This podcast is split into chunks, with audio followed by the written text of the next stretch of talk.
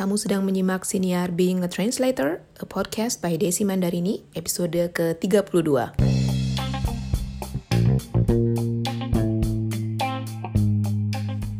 Selamat datang di Siniar Being a Translator, a podcast by Desi Mandarini. Nama saya Desi Mandarini, saya adalah penerjemah dan juru bahasa lepas untuk bahasa Inggris Indonesia. Saya memulai karir sebagai pengajar bahasa Inggris, kemudian secara tidak sengaja terjun ke dunia penerjemahan. Akhirnya, saya memutuskan memilih untuk menekuni profesi sebagai penerjemah dan juru bahasa lepas hingga saat ini.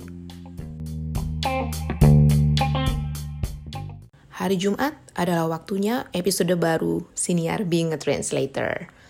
Apa kabar? Semoga semua sehat dan tetap produktif. Sudah siap menghadapi akhir minggu ini? Dan apa sudah punya rencana untuk menghabiskan akhir pekan?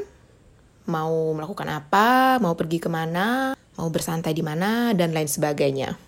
Nah, sebelum kalian menentukan apa yang ingin dilakukan untuk mengisi akhir pekan ini, saya punya informasi sedikit, terutama untuk penerjemah yang ingin mengikuti program pengembangan keterampilan atau pelatihan untuk mengembangkan profesi.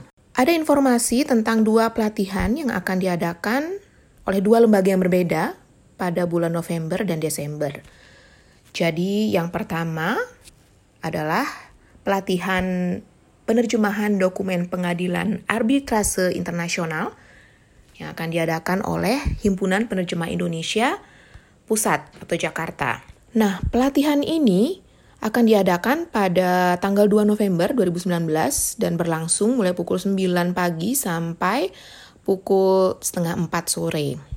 Narasumber untuk pelatihan penerjemahan dokumen pengadilan arbitrase internasional ini adalah dua praktisi hukum yang juga merupakan penerjemah tersumpah dan sudah memiliki pengalaman profesional yang sangat ekstensif dan berskala internasional. Mereka adalah Bapak Philip J. Vincent, MA, dan Ibu Rahayu Hood, SSSHLLM.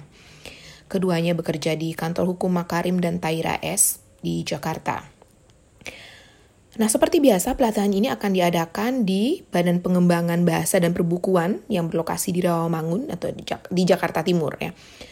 Informasi selengkapnya tentang uh, lokasi, kemudian uh, berapa biaya investasi yang harus kamu bayarkan untuk mengikuti pelatihan ini bisa kamu lihat di catatan untuk episode kali ini di blog saya di www.desimandarini.com ya. Nah, eh, ada perbedaan dalam segi biaya investasi. Kalau kamu adalah anggota HPI, kamu cukup membayar Rp500.000 saja untuk mengikuti pelatihan ini. Sedangkan kalau kamu bukan anggota HPI, kamu dikenakan biaya Rp700.000.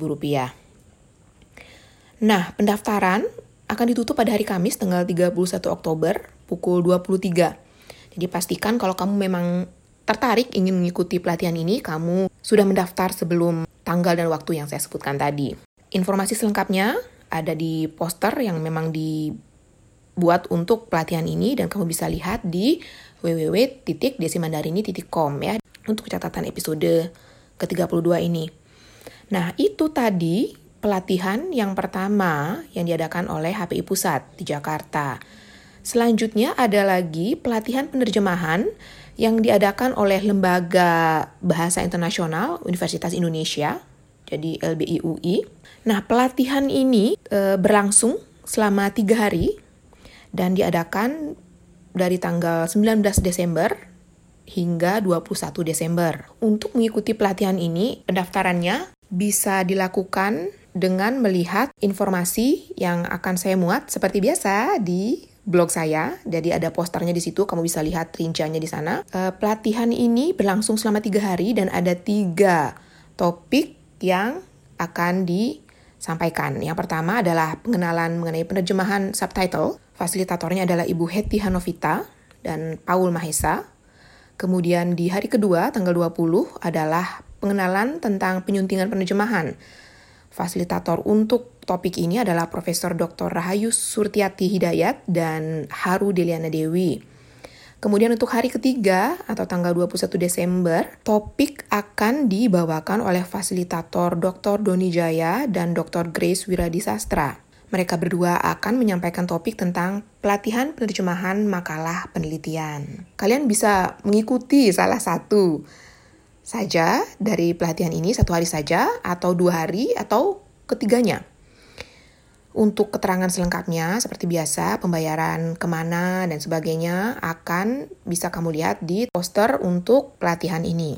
Nah, biaya untuk mengikuti satu hari pelatihan adalah Rp600.000 untuk umum dan untuk anggota HPI serta mahasiswa atau murid LBI UI dan pengajarnya akan dikenakan biaya Rp500.000. Untuk dua hari pelatihan, biaya untuk umum adalah Rp1.200.000 dan untuk anggota HPI beserta mahasiswa dan pengajar LBI UI dikenakan biaya 1 juta rupiah. Sedangkan untuk umum ingin mengikuti pelatihan selama tiga hari, biayanya adalah rp rupiah dan untuk Tiga hari pelatihan bagi anggota HPI, mahasiswa, murid LBI UI, dan pengajarnya dikenakan biaya Rp1.500.000. Lokasinya di mana? Adalah di Auditorium Gedung 10, lantai 3, di Fakultas Ilmu Pengetahuan Budaya di Universitas Indonesia Depok. Ya.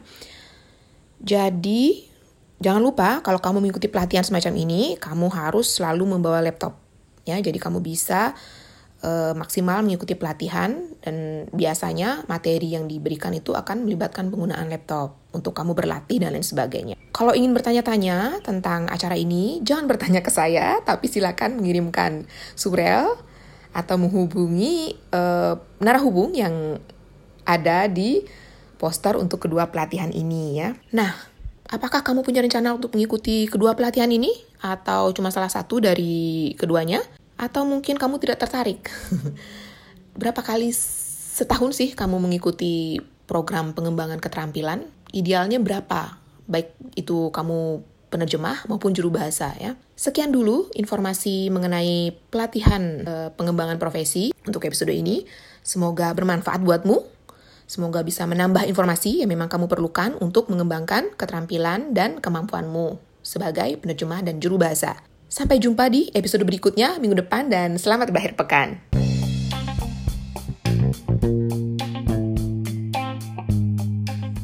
Kalau kamu suka siniar ini, jangan lupa bagikan di media sosial kamu dan beri ulasan. Saya juga menulis tentang pengalaman dan tips seputar penerjemahan dan bekerja lepas di blog saya di www.desimandarini.com. Kamu juga bisa menghubungi saya jika memiliki pertanyaan, komentar, atau masukan melalui surel saya di hello at desimandarini.com. Tertarik untuk menjalani karir sebagai penerjemah lepas? Atau sekadar ingin tahu lebih banyak tentang keseharian penerjemah dan juru bahasa saat bekerja? Nah, kamu bisa ikuti Instagram saya di @desimandarini dan tweet saya di @dfmandarini. Sampai jumpa di episode berikutnya dan salam sukses.